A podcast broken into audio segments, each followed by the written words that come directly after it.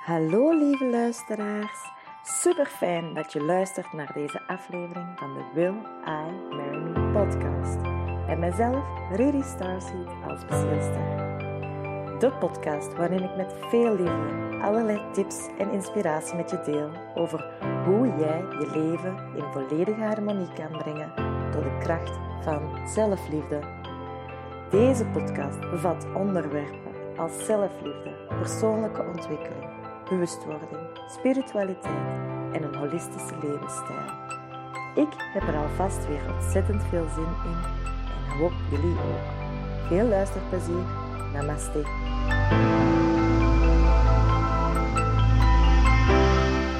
Hallo lieve luisteraars. Ik wil vandaag een uh, episode maken, een aflevering maken over tweelingzielen. Als ook een beetje zielenfamilie en mijn visie daar rond. Dus eerst instantie een beetje uitleggen wat is nu een tweelingziel, wat is het verschil met een zielenfamilie. En anderzijds wil ik graag ja, mijn visie erover delen. Want ik heb ooit een keer uh, een channeling daar rond ontvangen. Omdat er best veel klanten, slash vrienden, kennissen, etc. Uh, met die vragen bij mij terechtkomen. En ik dacht, ik ga het gewoon lekker samen bundelen in een podcastaflevering. Aangezien die vraag zo vaak voorbij komt, was dit wel de moeite. Dus ja, laten we daar gewoon aan beginnen. Tweelingziel en zielenfamilie. Een zielenfamilie, een zielenfamiliegroep, is eigenlijk een groep zielen dat vooraf de afspraak hebben gemaakt, dat vooraf in het hogere, in de, laat maar zeggen, hemel, samen een afspraak hebben gemaakt dat zij in dit leven elkaar heel veel lessen te bieden hebben. En heel snelle groeipotentieel te bieden hebben. Dus en zielenfamilie ga je onmiddellijk, bij een zielenfamilie ga je onmiddellijk zo iets hebben als je iemand leert kennen en je kijkt die aan of, of, en je hebt die eigenlijk nog nooit echt gezien, maar om een of andere reden heb je zo echt het gevoel van, tja, ik ken die persoon al. Ook al kan dat helemaal niet, dan spreek je vaak over een zielenfamilie. Een zielenfamilie voelt ook heel intens, heel snel vertrouwd heel warm, heel ja, veilig, geborgen. Je voelt je snel niet alleen. En ja, een heel fijn gevoel. En bij heel veel mensen zelfs een veel fijner gevoel dan de zogenaamde echte aardse familie die we vaak ervaren. Wil dat zeggen dat het altijd zo vlotjes gaat? Nee, want soms heb je natuurlijk ook afspraken die minder fijn zijn. Maar het gaat op een dieper niveau en je herkent elkaar ook op dat dieper niveau onmiddellijk. Een tweelingziel wordt gezegd dat er ongeveer, ja, het juiste aantal weet ik niet juist, maar er wordt gezegd dat er 144.000 tweelingzielen dit, ja, deze periode zijn gereïncarneerd. Enerzijds is dat best veel, want tweelingzielen hebben namelijk normaal niet direct de bedoeling of de neiging om samen te incarneren. Maar anderzijds is dat ook best weinig. Op het gebied van globaal gezien hoeveel mensen dat er zijn. En wanneer je nu een tweelingziel gaat zien, dat er. De reden dat er best veel tweelingzielen naar beneden zijn gekomen, is omdat wij momenteel op de transitie zitten van een 3D naar een 5D-dimensie. Daar ging mijn vorige podcast ook over. Als je nog niet mee bent met dit verhaal, zou ik adviseren daar naar te luisteren. En ja, tweelingzielen hebben eigenlijk als een taak, als missie om het collectieve geheel, um, doordat zij heel grote sprongen maken als ze elkaar ontmoeten, het geheel ook mee de lucht in te sturen, laat maar zeggen, in een versnelde transformatie te brengen. Anderzijds, ja, je kan zien, dat is wel een zeldzaam fenomeen. Dus de kans dat je jouw tweelingziel dit leven gaat tegenkomen, jouw oprechte tweelingziel, is na vanhand heel miniem. ik heb er al een paar ontmoet, mensen die een tweelingziel hebben ontmoet. En die het werkelijk zijn. Maar mijn ervaring zelf en wat ik ook bij anderen heb gezien, is dat het veel vaker voorkomt dat er een soort van vermomde tweelingziel of een schaduwtweelingziel naar de bovengrond komt. Zo was ook bij mij het geval. Die, dat lijkt in eerste instantie helemaal een tweelingziel, maar dat is eigenlijk een soort afspraak dat je ook hebt gelegd. En om jou echt, echt te testen, laat maar zeggen, in hoeverre dat je een bepaalde stap kan zetten. In mijn verhaal had uh, dit te betekenen met narcisme en in mijn eigen kracht gaan staan en onvoorwaardelijke liefde. Er is destijds een ex van mij en eh, de les was als ik zelfs iemand onvoorwaardelijk lief kan hebben, zo een intens gevoel van liefde kan voelen, terwijl dat die echt helemaal haaks tegen alles waar ik in geloof verstond. En dan nog in mijn kracht durf staan en mijn grenzen durfde aangeven en die liefde durfde voelen. Dat was de les die ik daar te leren had. En daar ben ik enorm dankbaar voor. Maar het was in het begin ontzettend verwarrend, omdat het zo, ja, vanuit een vorig leven bijna voelde die connectie. Het was heel diepgaand. En uh, dat maakte dat het niet zo evident was. Maar dat was dus een schaduw of vermomde tweelingziel. Die was als test op mijn pad gekomen, laat maar zeggen. En die bereidde mij voor om weer een stapje hoger te gaan in mijn eigen bewustzijnsproces. Nu, wat als je toch je tweelingziel tegenkomt, kan dit op verschillende manieren zich gaan uiten. Dat kan zijn dat jullie beide het nodige werk hebben verricht. Dat jullie beide er klaar voor zijn en dan gaan alle omstandigheden meezitten.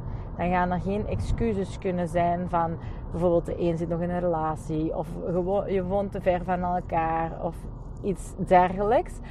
En dan kan je gewoon samen in een relatie, een soort van relatie. Het kan ook uh, vriendschappelijk of zuster, broeder, zus, uh, kan allemaal stappen.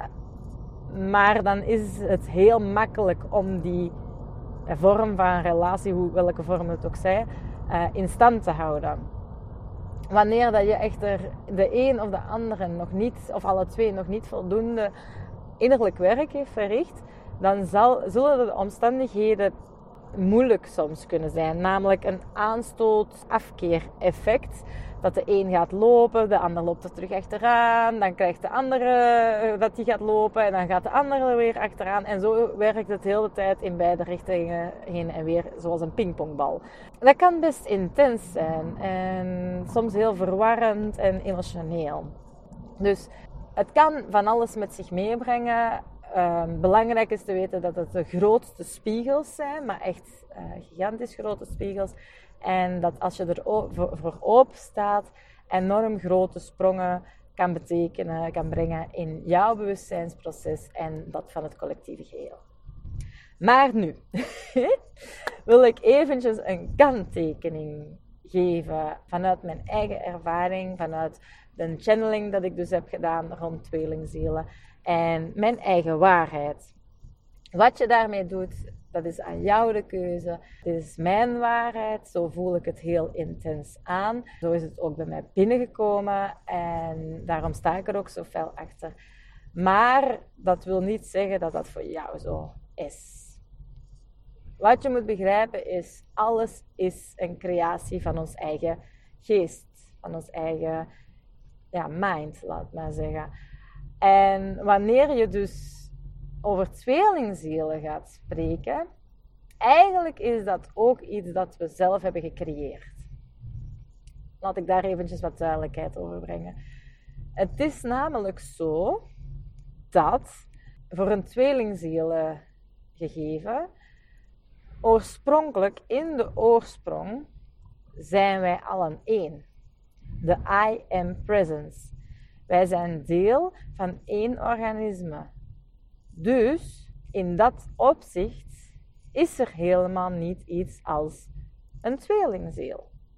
Want wij zijn allemaal tweelingzielen van elkaar, aangezien wij één zijn. Daarnaast zie ik ook een hele grote valkuil bij de bestaande tweelingzielen en de zoektocht naar de tweelingzielen en momenteel de hype rond de tweelingzielen. Namelijk, er zijn zelfs twee grote valkuilen. De eerste is dat men vergeet dat men eigenlijk de tweelingziel, laat maar zeggen, in zichzelf moet zoeken. Want wie is de grootste spiegel? Dat ben je zelf. Uh, wie moet je onvoorwaardelijk liefde in eerste instantie hebben? Ben je zelf. Dus met de zoektocht naar een tweelingziel of dergelijke, vergeet je eigenlijk dus dat de oorspronkelijke zoektocht, oorspronkelijke ja, balans, samensmelting en dergelijke, allemaal dient te gebeuren in jezelf. De I am presence in jezelf.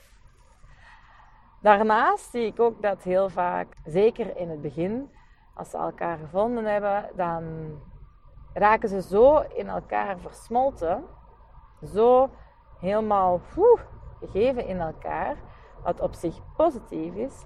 Maar de kanttekening daaraan is dat de connectie met het collectief plotseling op de achtergrond verdwijnt. En dat is nu net niet de bedoeling. De bedoeling is net dat we juist meer en meer in het collectieve geheel gaan stappen en één deel daarvan worden. Dus dat is ook wel een serieuze kanttekening dat ik daarbij wil maken. Dat er echt wel valkuilen zijn verbonden aan heel de tweelingzielen hypeconcept uh, gegeven. Wil dat zeggen dat ik daar niet voorstander ben? Je, je, hoort het al. Het is een dualistisch gegeven, zoals meeste in deze 3D-wereld, 4D-wereld. Ehm, maar het gaat erom dat je soms gewoon echt bewust gaat nadenken en bewust gaat stilstaan bij de dingen en um, leert dat je het niet buiten jezelf moet gaan zoeken, maar juist in jezelf. En als inderdaad 1 op de 144.000 kansen is dat jij een tweelingziel momenteel hier hebt in het aardse bestaan, dan zal jij die tegenkomen, hoe dan ook. Zolang dat jij werkt aan jezelf, komen jullie aan elkaar tegen, want jullie worden toch naar elkaar toegetrokken als magneten. Dus maakt het niet uit. Waar ligt je focus? De focus ligt op die onvoorwaardelijke zelfliefde, dat innerlijk werk. En dan gaat alles vanzelf komen. Dat wil ik echt vanuit mijn hart meegeven. Dat het zo belangrijk is dat je niet verliest waar dat het om draait. Weet ook trouwens dat een tweelingziel ook in de vorm van een gids of, of, of um, ja, een soort van engel of weet ik veel wat kan gaan uiten. Dus verlies je alsjeblieft niet in deze zoektocht. Ga ook niet met het rationele brein daar allemaal redenen voor zoeken waarom dat jullie dat wel of niet zouden zijn. Maar ga gewoon voelen. Voel met je hart, voel vanuit je liefde, voel vanuit de kern, voel vanuit je ziel, voel met je ogen.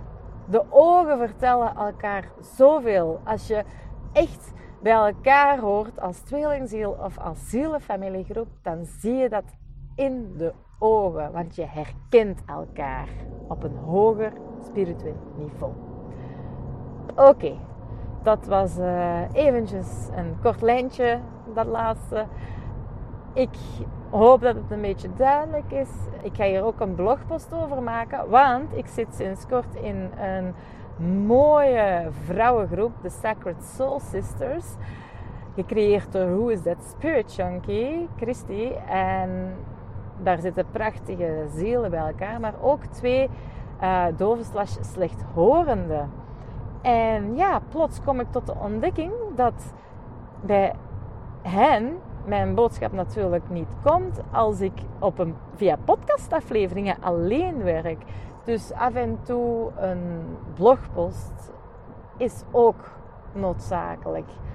Zodat ik ook hen kan bereiken. Want ik wil helemaal niet, nooit, never discrimineren. Dus uh, ik ben heel dankbaar voor het inzicht dat ze mij hier alvast hebben rondgeboden. En het was, ik vind het heel fijn dat zij in de groep zitten. Heel blij dat dit kan ook. En heel interessant om te zien hoe dat zij met twee dan elk hun uh, vertaler-tolk bij hebben. Uh, hun tolk bij hebben. En dat, ja, dat zij ook gewoon deel uitmaken van de groep. En heel, heel speciaal, heel mooi om te ervaren. Dus ja, een extra eerbetoon eigenlijk aan hen. Ik ga jullie laten, lieverd. Ik ga mijn dochtertje halen. En ik zie jullie bij de volgende podcast. Allee, ja, zie. Ik hoor jullie bij de volgende podcast. Doei! Alright, super fijn dat je helemaal tot het einde van deze aflevering geluisterd hebt. Daar wil ik je ontzettend hard voor danken. En ik zou het ook ontzettend fijn vinden mocht je, als je naar deze podcastaflevering geluisterd hebt, even een screenshot willen maken of het willen delen via de knop delen uh, op je social media. En er eventjes bij te noteren welke inzichten dat je zelf verkregen heeft of wat het voor je heeft gebracht. Het is namelijk zo dat ik met deze gratis content op een zeer laagdrempelige manier zoveel mogelijk mensen wil helpen op hun pad naar die onvoorwaardelijke zelfliefde en ja, bewustwording. Dat is waar dat mijn hart om draait en dat is wat ik graag wil zetten in deze wereld. En hoe meer mensen deze content delen, hoe meer mensen ik kan bereiken. En ja, moest je dus kunnen delen of een review willen schrijven, zou ik daar ontzettend dankbaar voor zijn. Ik wens jullie alvast een ontzettend fijne ontdekkingstocht naar die zelfliefde, naar die persoonlijke bewustwording. En ik dank je voor het zijn in dit leven. Namaste.